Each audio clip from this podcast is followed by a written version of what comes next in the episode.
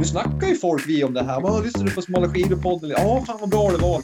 Smala skidor är podden där Mats och Kai nördar ner sig i längdskidåkning med målet att bli snabbare i spåret. Och vi gör det genom att ta reda på allt som rör dyra skidor, starkt sporttryck och intervaller. Nu kör vi! Man kan alltid skylla på utrustningen grabbar. Ja. Det, får vi, det får vi inte glömma. och ta som smala skidor. Ja, är det inte där han Kaj är och Mats? Ja, men precis. Välkommen, eh, det är ny jingel idag. Välkommen till Blanka skidor, den nya podden med Blanka skidor. Eh, Välkommen Mats! Ja, tack så mycket. Det känns stort att vara med i den här nya podden. Ja, eh, allting handlar om dig idag höll jag på att säga. Det är ju så spännande att få höra. Hur har det gått? Har du stakat? Jag har stakat och det vet ju du, för du körde ju om mig i 220 kilometer i timmen när jag stakade febrilt. Men eh, det, det var väl inte min, min långsammaste eh, parti där du stakade om mig, men du, du hade ju en väldig fart där. Men ja, jag har stakat och eh, jag, har, jag lever idag. Det känns som att jag har en annalkande kropp. Alltså den, den har inte kommit ifatt än riktigt. Så det känns som att nu börjar jag känna så här magen och rygg. Igår tänkte jag så här, det här var ju ingenting, men det känns som att jag kommer få straffet imorgon kanske. Muskelvägsmässigt. Mm. För er som lyssnar så var det eh, renriden, ett lopp i Luleå på eh, 42 kilometer eh, sidningslopp. Vädret minus åtta eh, eller något sånt där. Solsken och fantastiskt. Och eh, därav den kommande träningsverken. Ja, exakt. Och eh, Långström gjorde då, ni har ju sett eh, våra, kanske vad de händelser sen helgen, men jag gjorde i alla fall stakpremiär. Och jag, jag lever och ler.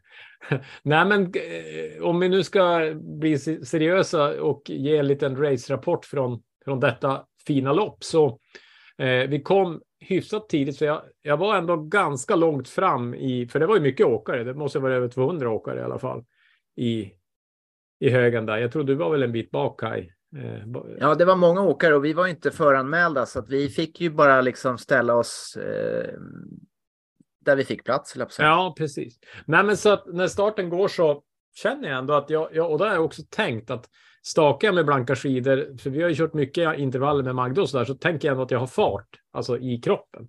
Så att jag kan ändå hänga med ganska bra i den grupp jag är. Jag blir inte omkörd av så många uppför första backarna och även i, i utförs och så där. Förutom dig då Kaj, som kommer som ett spjut. Men jag vet ju att du, du brukar ju börja dina lopp på det sättet, så jag, jag vart bara glad när jag såg den blåa finnen eh, flyga förbi. Men eh, eh, Luleå och Ormberget har en, en backe som är lite halvfruktad av mig i alla fall, som är ganska lång, det är väl 40 höjdmeter och eh, första varvet på den fixade jag utan att saxa och det kändes som att wow, det här kommer att gå bra. Och när jag hade åkt två varv så hade jag väl nästan 20 kilometer i timmen i snitt. och sånt där, så då tänkte jag att det blir nog stakning. Eh, Men sen så Resten av livet. nej, nej, men eh, det kändes positivt i alla fall. Men sen så, eh, jag har ju, alltså varje gång det har varit uppförsbacke hittills när jag åkte rullskidor och när jag liksom har haft fäste, ja då går man över på diagonal varje gång. Så man är ju inte så tränad i de där backarna. Farten har man ju, för på platten då har jag ju stakat och nerför och sådär. Så att eh, varv tre då i backen, då, ja då, då tog kroppen slut mer eller mindre eh, att orka staka bra.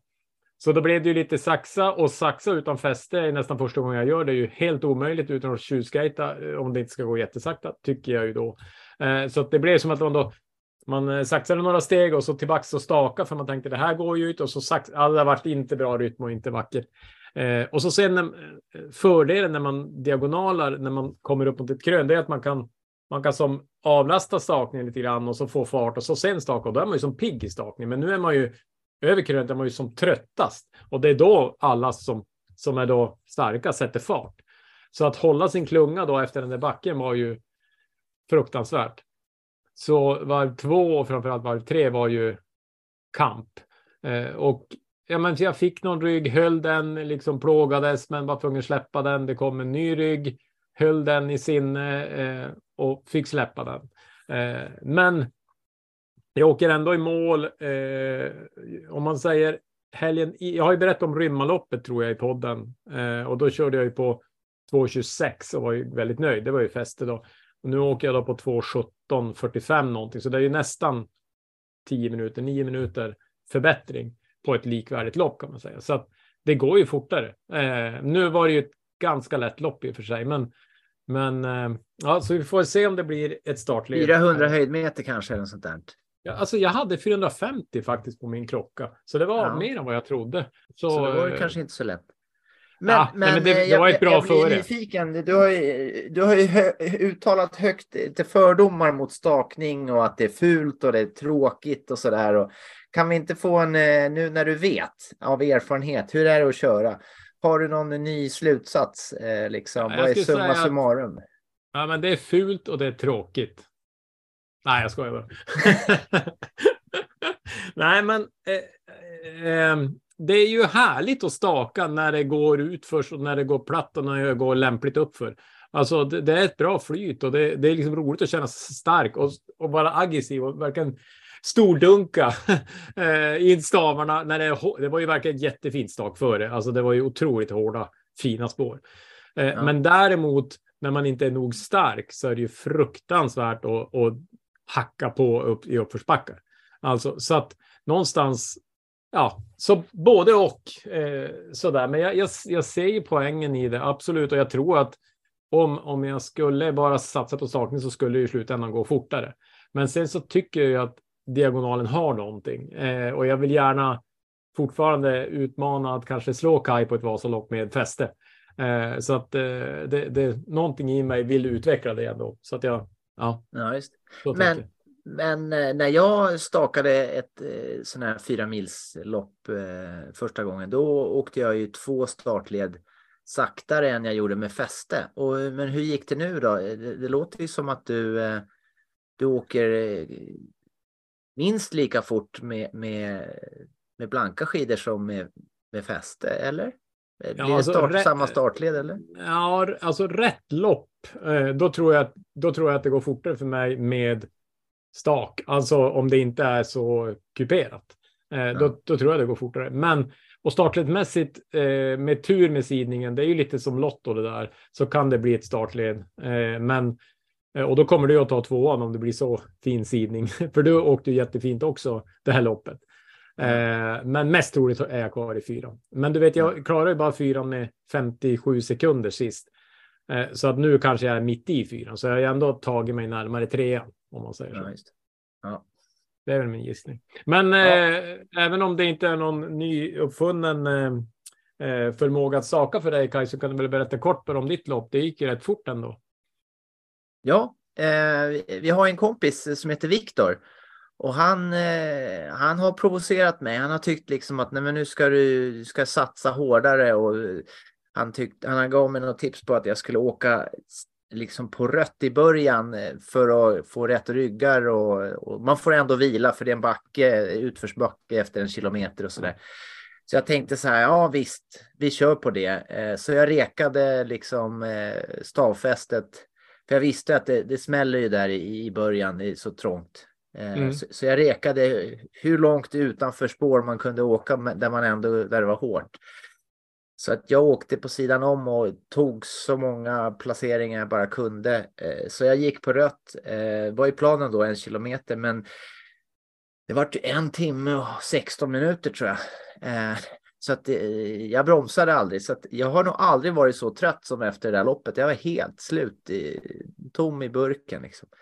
Men eh, jag är nöjd då med, med att ta ut mig så mycket. Det är ju bra träning. Och eh, tiden, eh, ja, det är svårt. Det är ju en väd utomhussport så att det är svårt att säga. Men, men eh, jag gissar att det blir trean. Så att det, det, det, jag lyckades inte med det som Viktor peppade mig till så att säga. Så Nej, men du vi får väl se. Det är väl närmare- imorgon det kommer ut eller på tisdag kom- eller när det är. Du kom ju närmare tvåan gränsen, precis som jag då kom närmare trean gränsen eh, på det här loppet. Får vi säga Ja. i alla fall. Ja. Och sen min vallare eh, läste som mig själv då. Han får ju behålla jobbet för att den här gången så lyckades jag eh, med skidorna så att de, de gled bra. Mm. Ehm, Jag ska, eh, jag ska säga, jag, jag, hade, jag kollade nu på eh, eh, Eh, Garmin, jag hade 1,27 i rött. Ja. Så för mig var det också årets hårdaste lopp, alltså mest på rött. Och där, det är ju något som, om vi nu ska diskutera vallning eller fäste, när jag har tränat eh, stakning, eh, jag har ju kört några stakpass i vinter, eh, då har jag ju legat lägre i puls än diagonalpassen. Men nu på tävlingen så låg jag ändå högre i puls, eh, trots att jag stakat. Och det är ju ändå ett tecken på att jag muskulärt inte är så dålig som jag tror. För att oftast blir det ju att man muskulärt, det kan man se på vissa som stakar, att de går ner i puls i slutet på loppet. Ja. Men det har jag inte gjort, så det, det, är jag jättenöjd med. Mm. Um, och på tal om vallare så har jag, har jag ju det här loppet. Jag hade ju Thomas, min kompis, han åkte inte nu, så jag böt ju vallarchef också till en, en blåsmarkare eh, som är snabb och eh, Marcus Lidman och han gjorde ett jättebra jobb, så jag hade fina skidor. Det ska sägas. Eh, de, de ja, var lika snabba eller snabbare än eh, ja, snabbare än några och lika snabbare än många, så jag, jag var jättenöjd. Det var, Ja, det var en fröjd. Riktigt kul. Sen var det en till, förutom att eh, arrangemanget är ju superfint, spåren och vädret Mm. och allting var eh, top notch så att säga. Eh, Men det gjorde ju också att temperaturen var mild så att eh, det, det frös ju inga vätskeslangar. Vilket Mm. gjorde att eh, jag fick i mig massa energi också. Eh, så jag tror det spelar roll också. Man orkar köra hårdare när man får i sig energi. Så att, eh, Mm. Ja, det var ju. Ja, det vart nog en 100, kanske 120 eh, gram i timmen. Eh, med Ja, gels och så där som jag tryckte i mig. Så att det var också en liten bra eh, erfarenhet inför Vasan. Men jag har inte räknat riktigt. Jag, jag hade ju blandat 270 gram, eh, men jag, hade, jag, åt, jag drack nog bara hälften av det jag hade i vätskebältet, så det är ju 130 gram då, eh, plus fem gels. Och vad innehåller de där 60 milligram? Jag vet inte vad det är i kolhydrater varje eh, en vitgel. Det, Vet det brukar vara 30, det brukar vara 30, eh, 30, 50, 30 150. gram. Ja, Så, ja. ja, men då ligger jag på något sånt också. Så Ja. det, det var nog bra. Det förklarar Snyggt. varför vi körde så rött. Då. Men Ja. eh, vi har ju, jag har ju faktiskt gjort en intervju också. Eh, jag har ju pratat med eh, professorn, höll jag på att säga, eller rullskids-Patrik, som är ju ingenjör, så han kan ju det ena och det andra, eh, just inför det här med Vasan. Så att jag tänkte vi skulle lyssna på det, eh, för vi har ju börjat preppa, för det har ju du också börjat göra inför Vasan. Vad är det man ska förbereda så att allting blir så bra det kan bli, så att säga. Så att, ehm, Ja, nej, men jag, jag är jättespänd och jag, jag gillar ju Patrik. Han, han är ju som du säger, han är ju inte en typisk sportnörd, utan han, han är ju ty, en, mer en nörd. Alltså, ja. eh, på något sätt. Nej, men att han får ett annat fokus. Jag tycker det är bra. Alltså, han, han blir ju... Han, han, eh, han har ett litet annat angreppssätt och jag tycker han är väldigt strukturerad och bra, så att det, det är kanon. Eh, Jag tror Ja, det, Patrik det, har mycket... det är ordning och reda på Patrik. Helt Verkligen. Han men, ska styra upp lite grann här nu, så att vi, vi lyssnar, eller? Vi gör det. Hej Patrik! Hej! Eh, jag är glad att få tag i dig för att vi närmar oss ju Vasan här nu och eh, jag och Mats, vi vill ju slå eh, rekord så att vi, vi, vi har börjat optimera här. Så att vi har lite frågor till dig i och med att du har ju svart bälte i att ha koll på grejer när det kommer till skidåkning. Målet är alltså tvåan för dig. Ja, vi får ju se. Startar i trean som det ser ut nu då, eh, om det inte händer något fram till Vasan. Eh, Men då vill man ju liksom eh, åka så fort som möjligt och det är ju mycket som kan som- kan gå fel, men det är också mycket som kan gå rätt och vi tänkte ju satsa mer på rätt än fel så att säga. Så jag har några, jag har några funderingar här Mm. som jag ville kolla med dig. Det, det ena är det här med stavar. Att hur mycket är det värt att ha de dyraste stavarna eh, om man räknar gram och hållbarhet och sådär. Lite sånt undrar jag över. Och sen det här med att vi, funderar mycket på energiintaget. Ska vi bära med oss bälte? Eh, och vad är det för väder? Kommer det att frysa? Och det är funderingar sådär. Och sen har vi också Mats som kör med fäste. Eh, det här med movebindning och lite sådär. Det, det är väl lite grann sånt vi funderar på. Eh, Mm. Tycker du att vi ska börja någonstans? Vi börjar kring moven men kan väl gå ett steg tillbaka till egentligen eh, spannet på skidan. Jaha. Jag, eh, om vi då tar eh, i Mats exempel framför allt här med det klassiska skidan. Vi eh, mäter in mycket skidor och vi jobbar eh, mycket med spannbrädan för att han är i södra Sverige. Vi vill lära folk hur skidan ska uppföra sig. Inte riktigt de vet vad som eh, det här med att trycka till och få fäste och så vidare. Så det blir en pedagogisk ja. övning också. Och det vi har märkt vid flera tillfällen är att eh, benen är olika långa på människor. Och jag har förmånen att ha många läkare som kunder och de säger bara att det är helt naturligt. Sen är det så att ofta säger det kanske bara några millimeter och det spelar ingen större roll. Men vet man av sig att man har lite olika längd på, på benen, då märker vi ju att den ena skidan trycks ner mer än den andra. Och då är det ju så att har man bara mätt upp den från fabrik eller någon annanstans så, så är det inte kompenserat för en höger och en vänsterskida. Eller att du kanske ska stoppa i en liten sula i, den korta, eh, i det korta benet så du får två lika långa ben när du står på det. Och det är frågan var du börjar jobba någonstans på skidan. Men så är det så man kan ställa sig på rakt upp och ner på parkettgolvet med rengjorda skidor och bara känna med ett, eh, ett A4-papper. Och skulle man då känna att man är så pass stor skillnad så att eh, eh, pappret bara går in på sig klisterzonen, ja då vet man att man skapar, man, man i lite av den andra burkvallan när man står jämt och glider. För att det ena benet okay. är längre än det andra. Så att det är en dimension på det här med liksom hur, hur, kroppen och känna till sin kropp. En annan bit som vi också ser mycket av när vi kör rullskidor är att folk står lite snett och folk vet hur de ska köpa löparskor att de pronerar. Där vet jag ingenting om fart, hur mycket det påverkar, men vi hade en rullskidåkare som kände markant skillnad när vi klippte sönder en sula på längs med, alltså på mitten och rättade Aha. upp så han stod rakt. Gjorde, gjorde något startled i ett sidningslopp på rullskidor för honom. Han fick fart på, på rullskidorna. Och samma sak blir det, jag vet att pratade med Laggar väl förra avsnittet om, eh, om tryckzonerna. Ja. Fram och bak. Men om då tryckzonen ligger på snedden i och inte platt på snön, då borde det ju också påverka. Så Men vänta att, nu. Eh, nu, nu måste jag ju kolla här. Menar du att eh, det skulle kunna vara så att man tar eh, och testar i, i vardagsrummet på parketten eller om man åker med någon kompis som kan kolla eller kanske filma och man står snett på skidorna och då eh, kan man eh, få bättre glid och, och kanske bättre fäste om man får koll på. Är det där vi är? Ja, lite åt det hållet. Första biten är ju det här med bara spannet. Det kan du kolla på parkettgolvet. Ja. Att det någorlunda stämmer och att det är för stor skillnad på skidorna. Eh, den andra biten att åka eh, snett, alltså med typ knäna ihop lite grann så att skidorna blir vinklade på fel håll.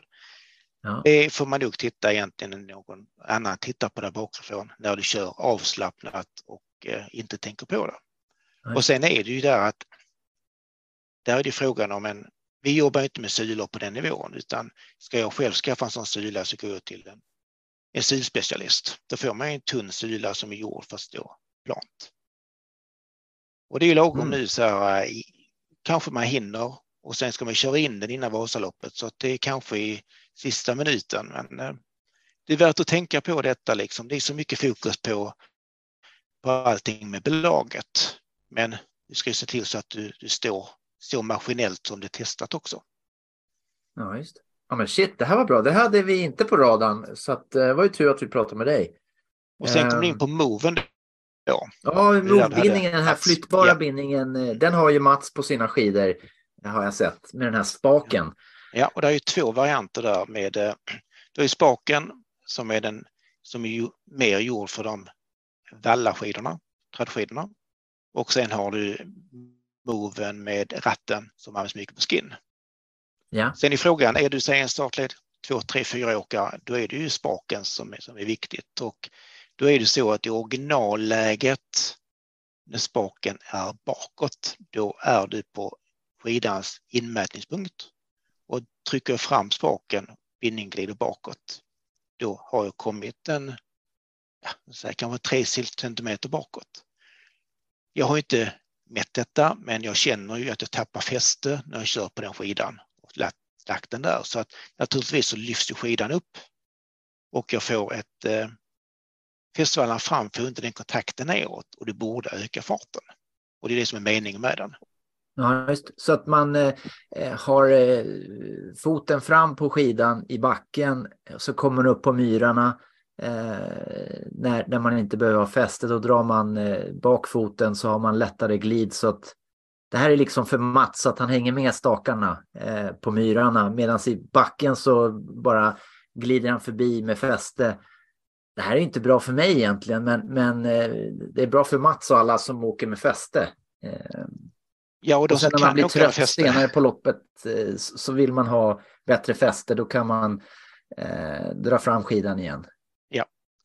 Och flyttar vi bakåt lite grann i, i startleden, typ eh, ja, 7-8 där man kanske inte har full koll på sin eh, fästzon. Så kan ju moven, den andra varianten, vara ett alternativ där man känner liksom att jag är lite kort vallad idag eller det blev inte vallat när jag lämnade in den som jag ville. Jag har inte riktigt det fästet fram. Då kanske jag kan flytta fram bindningen ett steg och då är det så att moven med ratten flyttar sig ett steg framåt mot skidans normalpunkt eller flyttas två steg bakåt, så det är fyra lägen. Då, då kan jag öka på fästet lite grann om jag känner liksom att jag har fått en felvallad skida eller om jag fått en felvallad på andra, andra hållet, att jag har fått för mycket fäste. Ja, Då just kan jag säga ratta bak den så jag kan säga ställa skidan för dagen. För det är ju ändå lite så att många tar ju och eh, går på de markeringarna som finns på skidan och vill inte aldrig ifrågasatt markeringarna, lämnar in dem till någon vallare och de lägger på någonting och sen kör man. Ja, det är säkert så de flesta gör. Eh, Men eh, om man inte har en sån här mobindning då, då eh, beställer man en sån och så sätt, drar man på den bara på sin eh, skida eller hur, hur funkar det? Ja, i stort sett. Där är ju, har man en skida som har en skruvad bindning idag, typ en, en Salomon-bindning, då eh, finns det speciella plattor som man bara skruvar på i samma hål och sen sätter man på den här bindningen. Eh, sen handlar det bara om att veta vilken NIS-platta man har på skidan. För att, eh, Nissplatta, också- det är den här plastbiten eh, där bindningen, eh, liksom, man glider på bindningen. Ja, precis. Det finns Ja. ju en gammal från Rottefälla. Det finns en nya som har plats för moven fram. Det finns en speciell för Fischer-skidorna som har lite annat bakstycke. Så att vet man vad man har för platta så går det ju att lösa en move Ja, som passar. Ja. Eller en race som den som Mats har heter där du har spaken. Två lägen. Och det är ju så också med skinåkarna. Jag känner flera skinåkare som kör racebindningen på skin. Alltså antingen vill jag ha fullt fäste på skinskidan eller så vill jag inte ha ett fäste alls. Så Ja, är man liksom en, eh, har man en skinskida och skulle optimera den liksom, så kan det också vara möjligt. Då kommer man lite längre bak än man gör på move-plattan. Ja, ser man Mobildningen. Vasaloppet som två långa jobbiga backar och sen resten platt, då, eh, då, då blir det enkelt. Men, men det är ju Ja. inte riktigt så. Man upptäcker ju nya backar varje gång man åker Vasaloppet, så det är ju fullt med krön och, och, och sånt där. Jag tror Erik Wikström pratade om eh, platån, den falska platån. Och tittar man in på den platån så är den väldigt kuperad. Ja. Men i nio mil på ett A4-papper blir ganska platt. Ja, jag brukar intala mig att Vasaloppet det är bara två backar. Eh, En i början och sen en i någonstans i mitten och sen är resten utför. Och sen när jag åker Vasan, då svär jag att den här backen, den, den fanns inte med i min plan. Så att det är ju rätt så mycket upp och, och neråt eh, ändå. Så att det, det kan nog vara bra att ha fäste eh, om man kör med fäste. Så att säga. Ja. Absolut. Eh, om jag får tycka in lite här så skulle jag vilja gå över egentligen till lite annat förberedande och det är ju det är det här att hålla värmen. Och eh, ett tips som Johanna kom med som jobbar hos mig det var att eh, många tar på sig sin utrustning på morgonen, kör ner till starten, kanske har andra skor på sig, tar på sig pjäxorna och eh, drar ut mot starten. Tipset är egentligen att byta strumpor så nära starten du kan. För har du gått hela morgonen i en det kan vara merinostrumpa eller vad tusan som helst, så har du byggt upp en viss fuktighet i strumpan. Och kan du liksom ta på en torr strumpa en halvtimme innan, när du sätter i dig, stoppar på dig pjäxan, så är det ju en fördel. Ja, just. Speciellt om man Och- har nervös svett eh, i, i fötterna innan. eh, Det, det är mycket att, att, att, tänka på. Det är många som halkar runt där i starten. eh, Ja. Så ja. Och du säger halka då så nu är det nog en bristvara i år på marknaden, men det finns de här galoscherna, overboots och så vidare. Lite olika namn de här. Det är sådana man drar utanpå. Pjäxorna. på pjäxorna, ja. Ja. för att promenera. Så att de är ju till för att eh, eh, du får ju en, en gummisula ner till Och då har du fördelen av att du har ett halkskydd.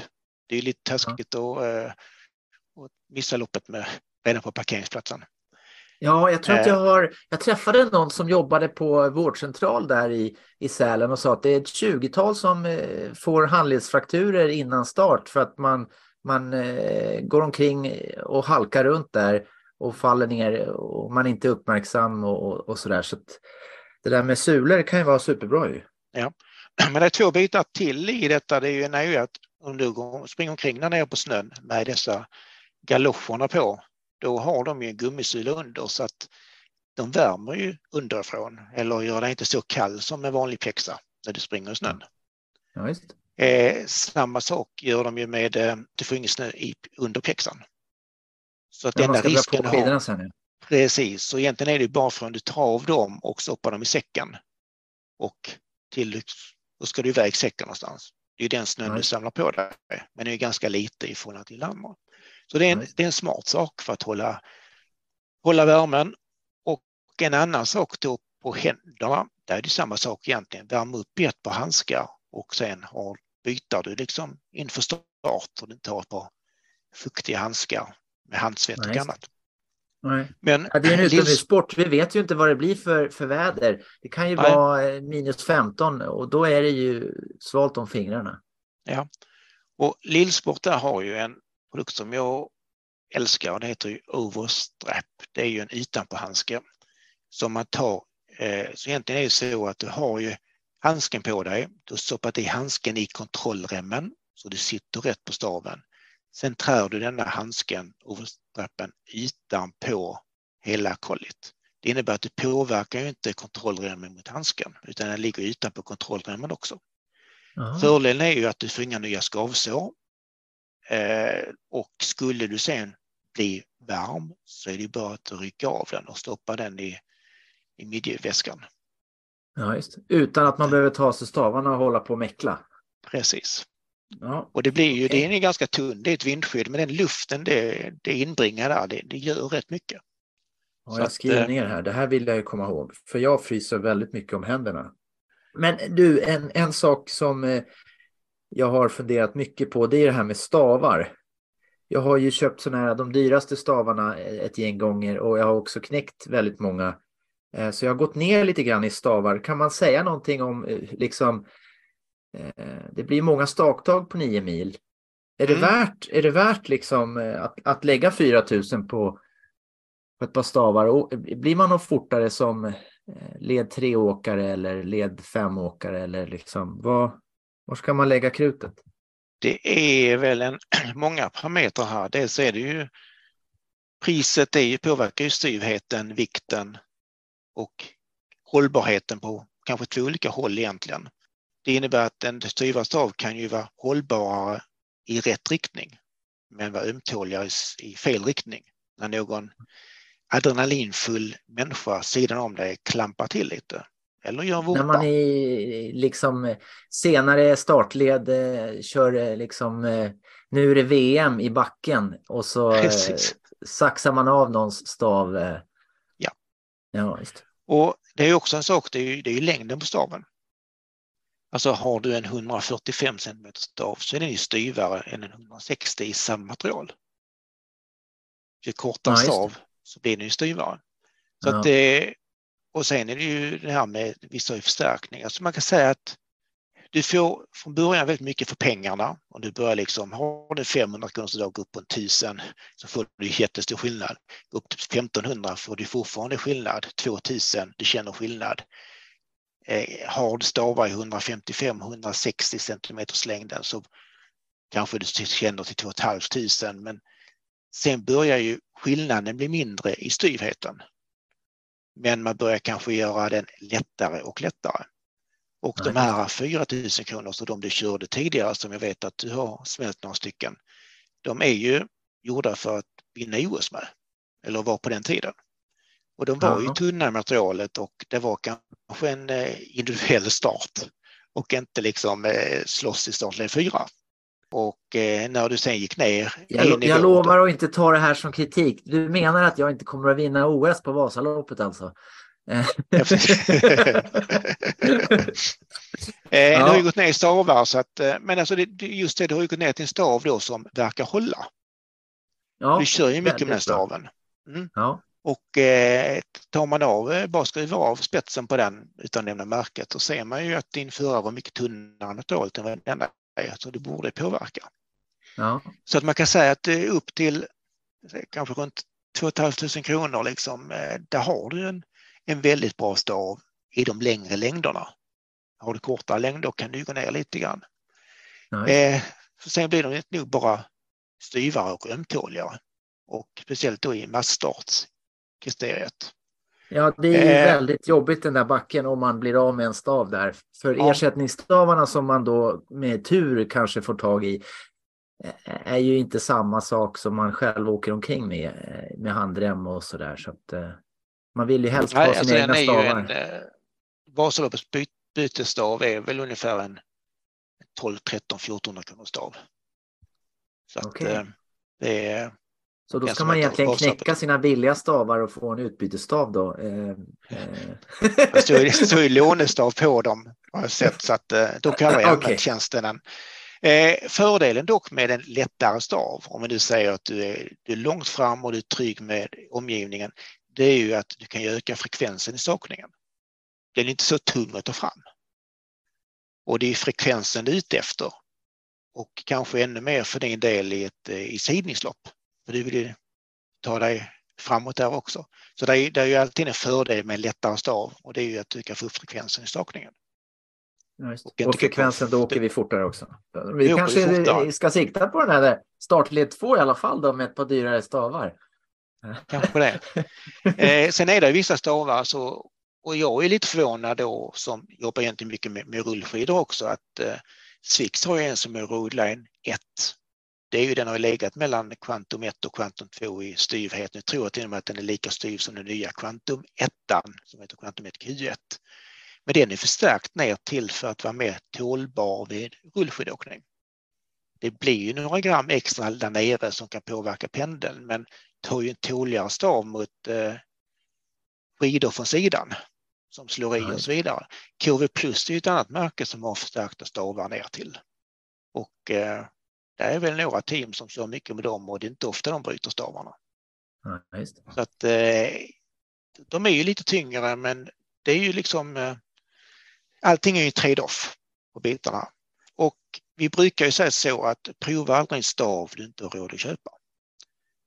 Eh, För det är ju så När man blir olycklig, man blir olycklig. eh, Jag kommer ihåg när, när jag, min sambo lånade min stav som då var en dyr stav. Jag fick aldrig tillbaks den. Eh, Jag hade ju köpt någon snålstav till henne och, så det var ju uppenbart att det, det är ju stor skillnad på stavarna, helt klart. Ja, det är det. Så absolut.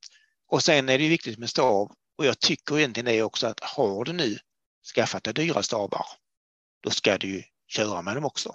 Och det är ju säkrare egentligen att träna med staven än att vara i lopp med staven. För du är ju ensam när du tränar. Så att du vänjer dig vid pendeln och den känslan i den. Eh, Jag hade en åkare som liksom tränade med billigare och sen när eh, hon tog på sig den den dyra så hon liksom glömt stavarna. Alltså de var, det var så stor skillnad. Det tar några stavtag innan du känt det, men du ska ju vara van vid din utrustning. Du ska ju köra med det du har. Ja, så är det. Eh, sen om vi går tillbaka till Mats lite här nu och eh, om man då på, på, på sin eh, spak där nere. Ja, Eh, risken är ju att staven åker ut i sidan när han ska ner och spaka och att tjock kör någon över dem. Och då är det ju vissa stavmärken som har klickhandtag. Det blir vanligare och vanligare så du kan säga klicka ur. Och kan du då klicka ur ena handen, ta den staven i andra handen så du håller båda stavarna, böja den ner och göra justeringen, klicka i och fortsätta köra. ja just det. Då har du liksom eh, räddat stavarna.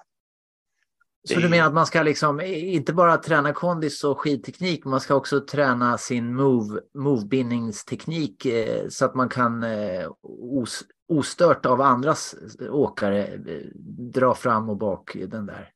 Ja, alltså du ska ju prova eh, Jag måste jag säga till Mats, till eh, så Ja, att han det- övar eh, movebindningsförskjutningar. Jo, men det är absolut liksom det. Och det är även om man skulle stanna till vid sidan och gå av och, liksom och, och skruva någonting så är det ändå en risk att någon kör över staven. Så det gäller ju att vara rädd om stavarna. Ja, Men all denna träningen så och träningen på att inta gels som man kan få fäst på låren och sånt. Det är ju ingenting som man det kanske ser lite lustigt ut när du ligger på Piteå skidstadion och tränar detta, men det måste ju, det måste ju fungera. Du Ja, måste ju veta hur du är ska det. göra det. ja, En annan sak som eh, kring stavarna, det är ju, det är ju trygorna och tyvärr tycker jag att det är så att eh, ju dyrare stavar du köper, ju mindre trygor får du. Samtidigt Ja. så är det så att de, och de är väl inte riktade egentligen mot den här långloppscirkusen egentligen, men du vet ju liksom aldrig hur snön är. Jag körde ju eh, från Toblach till Cortina. Det var ju helt underbart lopp till exempel. Och, men det var det ju, du börjar i Toblach och går upp liksom eh, på torr fin snö upp i, i bergen och sen började det bli plus en, plus två, plus tre och så var det plus tio när vi kom ner i Cortina. Och riktigt sådär eh, varm, gosig snö och folk satt i prosecco-baren sidan om och hoppades man skulle göra en vurpa precis framför.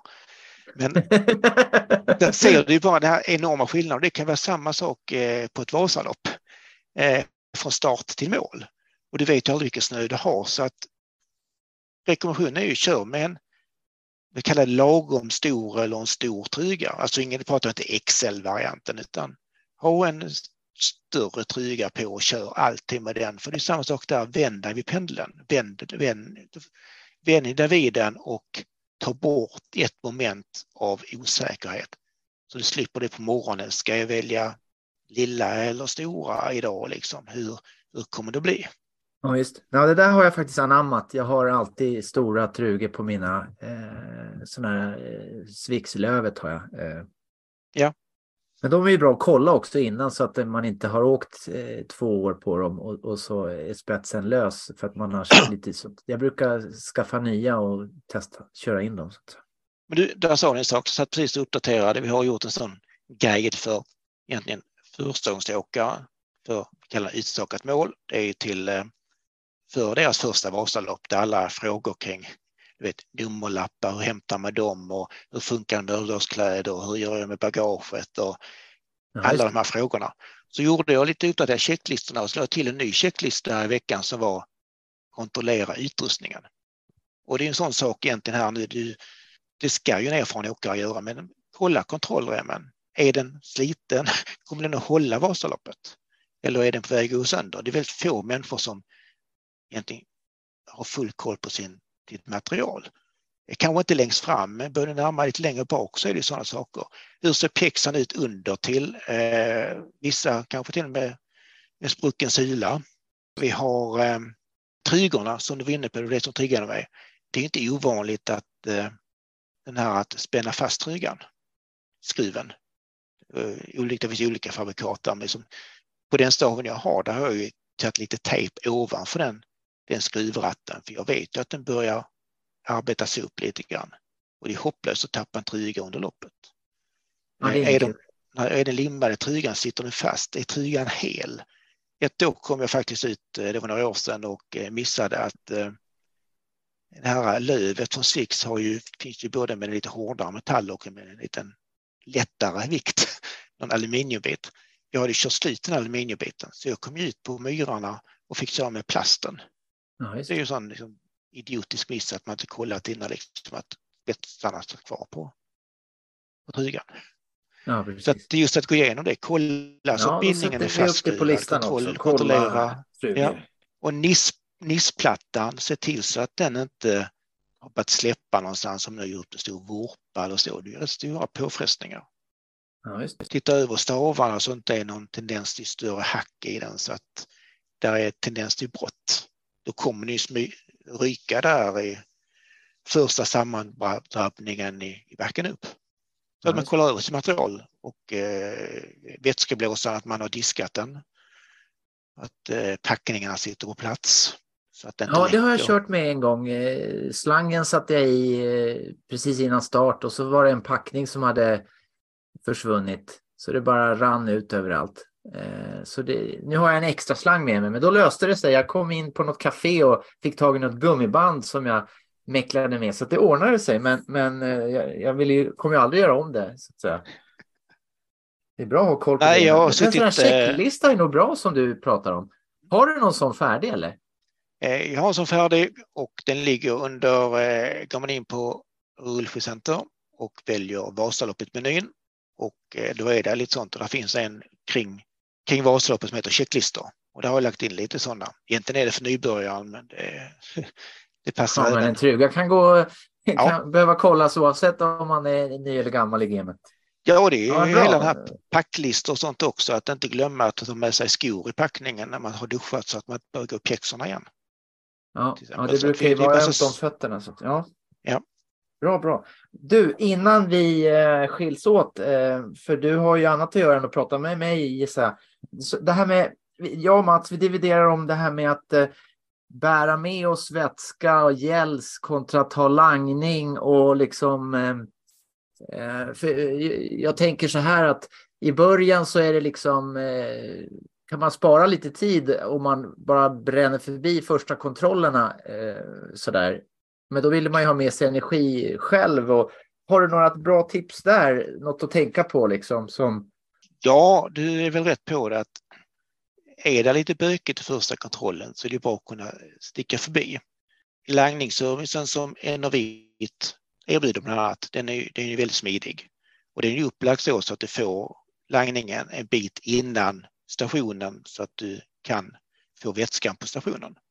Men det Sen börjar är- ju först efter ett par mil. Det, det får man ju ingenting i början, eller hur? Nej, och där är ju också så, och nu är det skillnad att starta i startled 3 eller komma kanske i sjuan, åttan.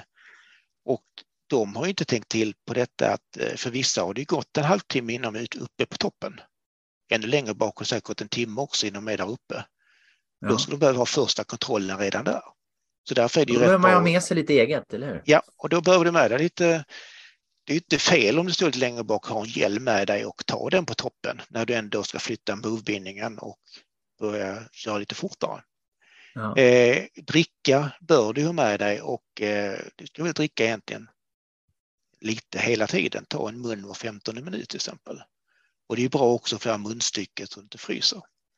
Ja. När fryser det egentligen? Eh, Vet du det? För, för ibland så fryser det. Liksom, finns det någon temperatur? Finns det någon eh, liksom, tumregel för när är det kört redan? För jag har ju åkt flera lopp där jag aldrig har fått hinna dricka för att den, munstycket fryser och slangen och det där. Alltså, eh, nej, jag har inget svar, men jag har nog en kombination både av fuktighet och, och kyla. Och, det är ett smart sak som någon sa till mig, det var ju att om munstycket fryser, så ett av de lättaste ställena att komma åt där du är varm, det är ju längst ner på ryggen där du har ditt midjebälte. Stoppa in den där i ryggen mellan midjebälte och rygg. För där är det ju varmt, där i svanken. Ja, just. Och så får du Att tid jag aldrig har tänkt på det. Jag brukar åka omkring med munstycket i munnen och, och knappt kunna andas, men så gör det ändå ingen skillnad. Tugga lite jag... och så för att, eh, jag har gjort det också. Jag har tuggat, hållit på och försöker få igång IQ det. fiskmås, det där Mm. att man inte har tänkt på det. Superbra. Och det är en sak till kring de här munstyckena, det är ju att det är en låsfunktion i dem. Att jag stod senast nu med ett nytt, eh, nytt bälte och svor för jag fick inte slangen att funka. Då var det ju så finurligt att jag skulle dra ut munstycket en 2-3 millimeter. Det behöver man ju kolla innan. Det är på den där Ja. checklistan igen då. Återigen är det sådana saker att kör, alltså du ska, all utrustning du ska köra med på loppet ska du ju kört med flera gånger innan. Även här nere i Skåne ska du i alla fall kört rullskidor med dem så du testat och sett att det funkar. Ja, Du måste ju träna på det. Sen eh, spara lite vikt och så, så har ju Coxa kommit med ett nytt bälte nu som heter Race som är 60 gram lättare. Så där får du in lite mer saker om du nu jagar vikt. Men är där är, ja, precis, men där är en parameter här som är, där kan man ju på den gamla varianten, den normala varianten, plocka bort eh, lampan. Den behöver inte på själva loppet. Men precis. den nya har en mycket större eh, ficka bak och den andra har ju, har ju två meshfickor, en för varje sida. Och de, de är rätt bra egentligen om du ska köra med egen försörjning med, med gäll och så. Att, eh, har de, I den gamla kan du sticka in dem i lite fickor Men det ska du träna på också att kunna hantera och komma åt dem. Och eh, kör du nya så är det inga fickor. Då vill du sätta dem med kardborre till exempel på, på låren så du kan komma Ja, åt dem. Men sen får du inte kasta dem för det är ju 15 minuters tillägg om du skulle kasta i naturen och då är det ju viktigt att kunna få ner det i fickan, meshfickan där bak, det överblivna. Ja, just. Och sen tycker jag ju egentligen att även om du går igenom första kontrollen om det är lite bökigt sådär, du har ju ändå ett glid, kan du, du kan ju alltid snappa upp en sportdryck eller en blåbärssoppa, det är ju ändå lite Vasaloppsstämning och få någonting att dricka. Ofta står det ju folk på lite olika ställen så du ska nog inte hoppa över drickan, men du behöver kanske inte dricka tre, tre muggar. Ja, just. Men hur mycket är en mugg då? Hur mycket socker får man i sig? Vet du det? Eh, Jag fick en, en lista här och det säger att en mugg har cirka 10 gram kolhydrater och man säger att kroppen kan ta upp typ 90, 100. Kan man träna upp kroppen ännu mer och sätta den typ på 110 också. Jag tror I säkert timmen, att ni är ja. väl i timmen, ja. Jag tror att ni är väl så duktiga på detta och säkert haft dem tidigare som har diskuterat det. Men säg Ja, vi kör med säg, stark sportdryck, det är våran melodi. Så att vi, vi har Ja. övat på att ha trippeldos. eh, Men 10 gram, det är ju bra. eh, Liksom 10 gram är ju åt rätt håll, det är plus. det är åt rätt håll.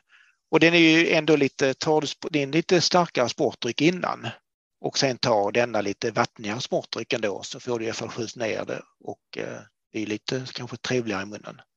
Ja. Men tar du en, en motsvarande en mugg sportdryck innan kontrollen, då har du ju liksom din trippel då, då har du ju 30 gram där och så 10 gram där inne och så har du en gel, då har du liquiden, ligger den kanske på 30 gram också. 30, 60, 70 gram är du uppe liksom där och du hinner ju med ja, en och en halv kontroll per timme eller sånt väl. Så det blir ju liksom en hjälp det är kontroll det, och det, eh, är, det är ju viktigt att få i sig energin så man orkar hålla trycket hela, hela vägen. eh, För det är ju personligt rekord vi, vi jagar eh, år efter år. Så att, eh, Ja. Eh, är det sen så att, alltså, jag vet ju flera stycken som har två koxarbälten. Så koxar, men alltså vätskebälten. åker de med dubbla? eh, Nej, men du kan ju ha en langare. Alltså, många har ju familjen följer med eller någon följer med på vägen och ska titta och stå i Eversberg och sen när du kommer. Då kan de ju stå med ditt andra bälte där och fyllt upp det och så byter du. Då gäller ju bara att slangen då som du har, att den inte sitter fast med något snöre runt halsen utan den sitter med kardborr så den är lätt att få loss tillsammans med den andra. Just. Nu är det ju då viktigt, eh, som jag vet att eh, vissa har erfarenhet av, att eh, följebilen kommer fram i tid. och Inte, man inte somnar någonstans i en snödriva så som du gjorde när du var ute och langade till liv en gång i tiden på Nordenskiöld. Ja, men då Eller- körde jag i diket och langade första gången efter nio mil. Nej, men eh, precis. Man måste lita på sina langare också, så att säga. Ja, och det är alltid en risk med langare. Utan det är de med dig vid starten, det vet du att du har. Så att... Sen, det där var ju eh, rätt så coolt. eh, Om man har en langare då kan man ha två bälten. Det har jag inte tänkt på. Men, men eh, det är så många tankar som far genom huvudet nu så att vi släpper den. Ja. Sen är det också detta att vi har ju, vissa kommer säga att de har sådana camelback och sådana saker. Det var oftast lite längre bak och i, leden, men det viktiga är ju att isolera slangen. Nya Coxan Race har ju en neopren skydd i sin och sen har man det här vanliga skyddet utanpå. Men munstycket är ju det som är känsligt, som du vet. Det är där det, det, är där det fryser. Ja, Så precis. att, eh, det Den lägger man i ryggen. Det har jag också märkt. När man åker utförslöper då blir det ju... eh, Det, det verkar frysa fortare när man åker liksom eh, utför. Det är fartvinden. Ja, det är den precis. källfaktorn du ser när det blåser på fjället. Ja, precis. Så innan en backe kör in den i ryggen eller i munnen. Eh, Det är ju inte helt fel. om det är kallt ute. Vi Ja. hoppas ju på att det är eh, någon minusgrad bara på Vasan. Så Men jag, shit, shit Mm. vad bra eh, Patrik. Jag har ju lärt mig massa och min checklista har ju ökat här. För först har jag fått ordning på en och sen så är det grejer som jag inte tänkt på. Har du något mer? Eh, eller är vi färdiga för idag så att säga? Det finns väl egentligen jättemycket mer, men jag känner mig rätt nöjd med detta. Det var det jag tänkte igenom sen vi pratade senast. Att vi skulle Ja. prata. Så ja, att, eh, perfekt. Eh, Ska du åka Vasan i år? Jag ska eh, njuta av att skata öppet spår. Ja, Jag provade i fjol och blev omkörd av, av, av Liv. Det käraste. Ja, att, ja men hon är farlig. Hon är farlig, ja. Det, hon är farlig. Ja. Ja. men det, var, det var ju fantastiskt att få att skata eh, öppet spår. Det var ju Ja. helt underbart. Och sen har jag lovat en kompis att jag ska hjälpa honom igenom Halvvasan. Men där siktar vi nog faktiskt på närmare fem timmar på Halvvasan. Så att, eh, där har jag lite utmaningar hur jag ska klä mig för att inte bli för kall.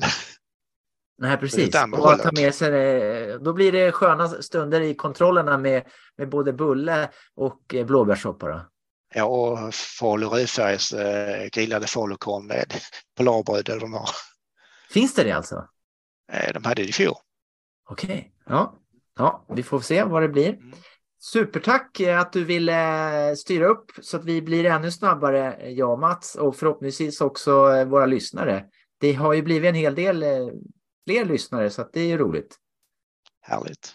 Nej, men lycka till nu och Och, och, vi, och vart går folk in om de vill ha eh, den här listan och kontakta dig om det är några frågor de har eh, som har väckts av, av det här så att säga? Är det rullskidcenter.se eller? Det är rullskidcenter.se. Vi har eh, egentligen eh, en meny för rullskidåkning, en för längdskidåkning och en som heter Vasaloppet. Och under Vasaloppet är det mycket de här praktiska tipsen riktat mot förstagångsåkarna. Där ligger checklistor och eh, de bitarna också. Hur det funkar i starten, målgång och så vidare. Om man som är osäker. Sen är det inte bara att ringa och eh, nu för tiden så är vi ju tre stycken inbitna åkare. Eh, en i, eh, lite framför dig i startledet, en eh, lite bakom dig och jag som ligger lite ner mot motionärshållet. Så att vi täcker det bra och vi svarar gärna på frågor och vi svarar ganska fort på telefon. Så att det är bara att höra av sig. Schysst, schysst, schysst. Kul, men då ses Ja. vi i, i Sälen eller i Mora mest troligt då? Det gör vi, absolut. Någon av dagarna. Eller ja. spåret. Ja, precis. Kul! Ha, ha det gott! Ha det gott du. Tack för idag. Snyggt Kai! Eh, bra intervju. Eh, mycket klokskaper på liten yta höll jag på att säga. Ja, det, det är ju verkligen roligt att prata med, med Patrik. Han har ju funderat på saker som man själv inte har funderat på alltid. Fick du med dig någonting som, eh, har några takeaways så att säga? Verkligen. Alltså jag, jag, å ena sidan så vi har ju snackat skidor i ett och ett halvt år, så det är klart att nog finns det några saker han säger som är så här, jo men det där visste vi ju. Men sen så att han också kan bidra med saker som vi inte har tänkt på är ju Ja. bara det ska man ha en eloge för. Och eh, bland annat det här, vi har ju pratat ändå om frysta slangar flera gånger. Eh, Ja. Och det här att ha en plan för att stoppa den i, innanför vätskebältet som kanske är lite varmt eller, eller något sånt är ju, ja, det är så korkat att man inte tänkt på det så man får skämmas. Ja, jag, jag kände mig jättedum efteråt. Så att det här borde man ju ha tänkt på liksom. Ja. Men nu, nu, nu tänker vi på det. Ja, verkligen. Nej, men och, och samma sak att, att eh, trugorna, vi hade senast i torsdags när vi körde intervallet, då tappade Niklas sina svixtrugor, eller en svixtruga. Eh, Ja. Och eh, jag försöker alltid att dra till dem där, men nu inför loppet, då satte jag faktiskt en liten tejpbit ovanför skruven där och, och ja, men där är man ju trygg. Och det är ju Signerad eh, rullskids-Patrik. Ja, exakt. Nej, men eh, så, så små, eh, små tricks sådär, det, det kan man ju verkligen älska. Så att det är Ja. jättebra. Eh, Och sen också att de har listor och sånt där eh, för jag har min egen lista i, i anteckningarna i iPhone på eh, så här, inför tävling vad jag ska kolla och så där. Men jag tänker för en, en, en som inte har tänkt så mycket, det är perfekt att kunna ladda ner och ja, få Ja. lite tips. Så, Ja, det är mycket bra. kärlek eh, man får där eh, från, från Patrik. Men eh, jag har ju börjat göra en, min egen lista på grejer jag ska fixa så här före Vasan. Har du också en Ja, sån lista eller? ja, men lite, lite smått och gott, absolut. Jag tänkte det är kanske Eh. någon som har nytta av eh, att höra våra listor som inspiration så att de får sitt bästa Vasalopp också. För det är, vi, det, är det vi satsar på. Det är ju personligt rekord, eller hur? ja, Jag har ju verkligen. aldrig varit snabbare än i år. Nej, nej, men så är det. Och, och vi, man vill ju, alltså det som kan ställa till det, eller det enda som ska få ställa till det, det är ju väder eller sjukdom. Eh, annars ska ju allt sitta på plats. Eh, så är det ju. Så att, men eh, ska jag börja med någonting och så kan vi skjuta lite fram och tillbaka eller? Ja, det jag har, eh, jag tror det har framgått i podden, men jag har ju tjorvat på ganska mycket i vinter med att bygga upp min skidpark. Med det här att, att hitta för varje spann och eh, jag fick ett par skidor från Snö och Tö som var lite för varma, som nu, nu har fått skicka tillbaka och eh, nu har jag beställt ett par nya och nu, nu har jag äntligen hittat, eh, nu har jag liksom mina, jag har fyra par skidor, det är ju alldeles för mycket, det är ju löjligt, men, men vi håller ju ändå på med det vi håller på med. Så nu kommer jag ha då Eh, två par eh, med eh, 902 spannet som är ju för varmare förhållanden med en gul och en blå slip och så två par för kallt då med 812 spannet som är för kallt och en då med blå och en med grön. Så det är ju en ultimat och de är jättefina spann. Så jag känner som att nu, så nu på onsdag, då ska jag skicka tre par skidor och slipa, slipa om då så att jag får precis då det upplägget. Eh, så det känns som att nu, det spelar Eh. ingen roll vad det kommer att vara för väder. Du kommer ju ha skidor eh, för vad som än händer liksom. ja men det känns lite så. Så har vi också valt att, att eh, vi har ju varje år, i fjol så vallade vi ju själv eh, glid men köpte fäste på plats i, i Mora då. Eh, Men i år så köper vi allt av lager 157 då, deras vallaservice. Så då kan man ju ha med sig flera par skidor och bara lämna in då kvällen före och få ut dem på morgonen då. Förhoppningsvis kanonvallade. Så att eh, där är jag riktigt eh, taggad på att ha bra grejer i år. Mhm. Plus då race move-bindningen som diskuteras lite grann, som jag nu har på alla fyra skidor. Så att eh, man kan eh, snabbt då, i men jag nu är ju även kallad Stak-Mats i våran tävlingsgrupp. så att när vi kommer upp på myr, myrorna så kan jag eh, rycka bak den där spaken och få så bra glid eh, som möjligt och, och staka på. Så att, Du eh, drar i spaken och så blir det stak-Mats. Ja, exakt. du ska bara se förvandlingen Kaj. Eh, Den är helt otrolig. Eh, Ja. Ja, ja, men det var, det var skidförberedelserna från mitt håll. Hur, hur, hur ser det ut i, i, borta i Svensbyn? Ja, nej men skidorna. Min sambo hon ska ju också åka Tjejvasan och öppet spår och sådär. Så att jag ska slipa skidor ska jag lämna in i, i, i Skellefteå. Så att eh, jag har både liksom eh, grön och blå slip.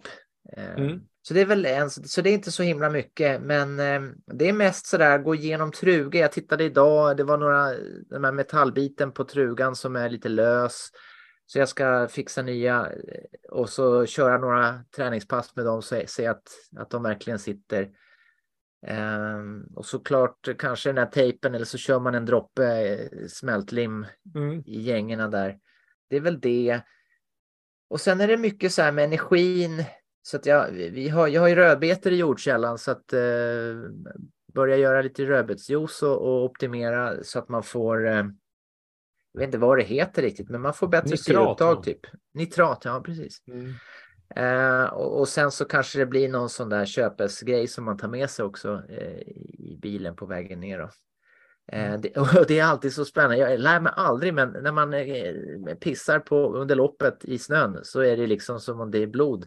Och det är chock varenda gång. Eh, och så, ja, just det, det var rödbetsjuicen som kommer ut där. Men du, eh, du ska få prata vidare. Jag kom bara på medan du ändå var på trugor. Eh, så en grej som jag provade nu, ibland i vissa fören, det har du säkert varit med om när det är lite plusgrader, så fastnar det en massa snö under sviktstrugorna. Ja. Eh, och då fick vi tips från, jag tror det var Magdalena Pajala, men det kan ha varit någon fler också, men just att, att spru, spruta dem med silikonspray. Eh, och Ja. jag gjorde det nu på mina triaxstavar och det funkade jättebra. Så Nice. det kan ju också vara att, att eh, se till att man har, för det kan ju mycket väl bli plusgrad på Vasaloppet, att man har silikonspray under trugorna. ja, så det inte blir onödigt tungt. Mm. Precis. Eh, och sen har jag köpt sån här um, parborren som, som jag sätter på lite gels och, eh, Mm. och på, på kläderna. Och, och eh, jag lägger gels i en softflaska så att säga. Så Ja, slipper det. jag hålla på med att eh, slänga och riva och öppna och så där. Utan så jag tejpar fast den på tröjan. Det testade vi förra året. Det gick jättebra. Mm. Ehm, och sen sportdrycken är slut så det behöver jag ju skaffa ny. Eh, truger. Ja just det. Eh, nya koxabältet. Eh, 60 gram eh, som Patrik sa. Eh, Mm. Lättare med en slang som inte fryser. Så det får bli lite kallt också. Så att, eh, det ser jag fram emot. Eh, och sen har jag lite strul med ett par pjäxor med sulorna där så att de ska fixa till så att säga. Mm. Eh, hela grejer lite- är bra att ha. Lite smått och gott, helt Ja. enkelt. Men eh, det är ingen brådis än. Men det här hinner man ju fixa. Då kan man ju inte skylla på något. Eh, då är det bara vädret eller liksom om man råkar bli sjuk. Men då är det bara att gilla läget. Jag, jag måste säga just det där med energi, energiplanen. Jag, jag har ju nu, jag har kört tre sidningslopp och det blir förmodligen det fjärde till helgen då, eh, Ja. sista. Eh, och jag har kört samma upplägg alla tre, alltså exakt samma. Jag har kört carboloader, alltså dagen före. Eh, det är ju som tre pastatallrikar. Och så har jag kört då rödbetsshotten två och en halv timme före som den föreskrivs av Umara och så har jag kört den där Unitrate 45 minuter före och så har jag kört en gel 15 minuter före. Så jag, jag har kört exakt samma alla lopp och även samma upptrappning med rödbetspiller. Och, alltså, jag har verkligen så här, och jag, jag, känner mig trygg i det nu. Alltså, jag har verkligen tränat på att ha en rutin i de där. Så jag gör samma varje gång, så jag känner mig eh, samma. Och nu sist var faktiskt magen bra. Eh, så att det är som att jag har jag tog mm. den lite tidigare på dagen och lite mer utspritt, den här carboloaden. Så att jag tänker att det är bra att, att prova. Och som du säger, nu fick du i det bra med socker sist, eh, nu sista loppet här i Luleå. Eh, ja. Och jag har också upplevt att jag liksom har lyckats bra med. Så att, sen är ju Vasaloppet en nivå till då, men, men då har man i alla fall, kan man ju vara ganska trygg med att man, man kan, kan den grejen. Så att, eh... ja. Jag har en annan liten kontrast till det där. Jag kör eh, jag kör ingen extra uppladdning mer än att jag eh, köper en och en halv liter apelsinjuice och eh, äter till måltider och får i mig liksom socker den vägen. För jag tänker mig att man, man, man kör så himla mycket socker under tävlingen. Eh, men jag äter liksom gott och det, det, men jag har inga sådana här eh, produkter eh, så att säga.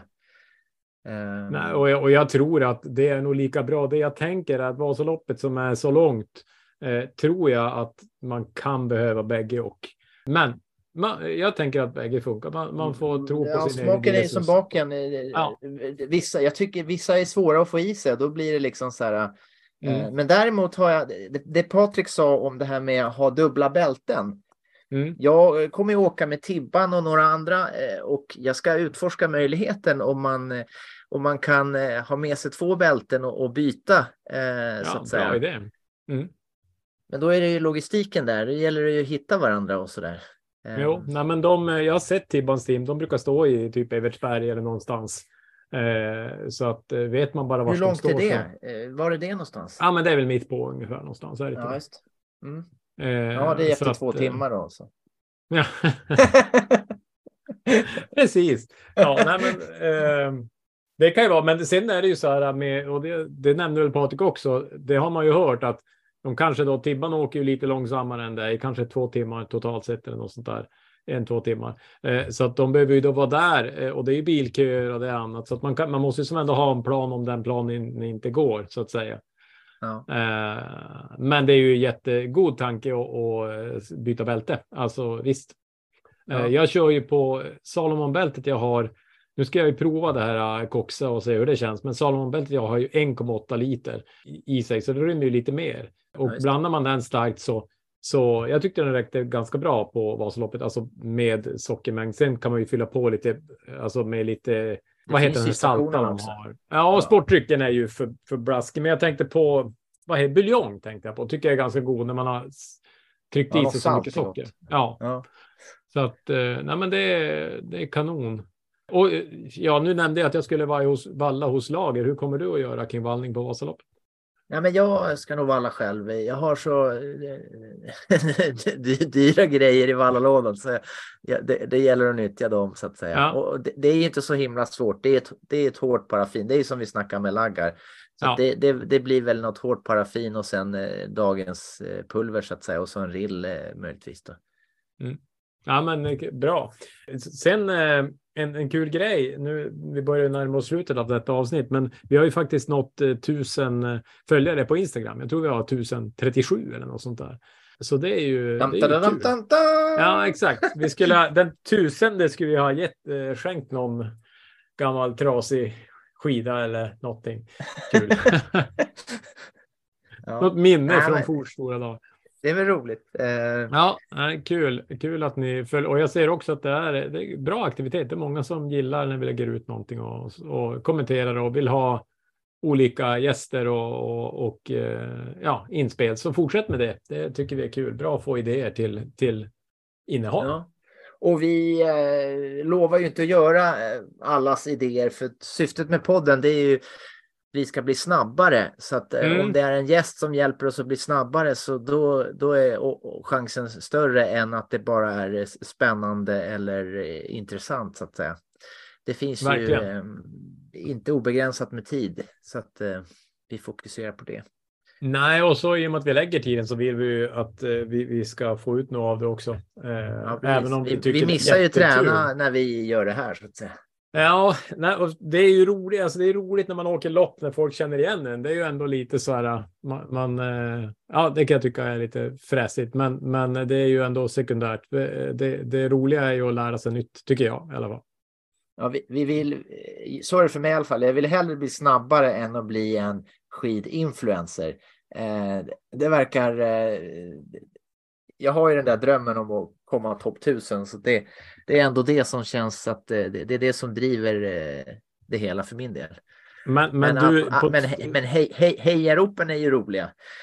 på Det var jag som om... kommenterar om sportdryck. Eh, Har ni stark sportdryck?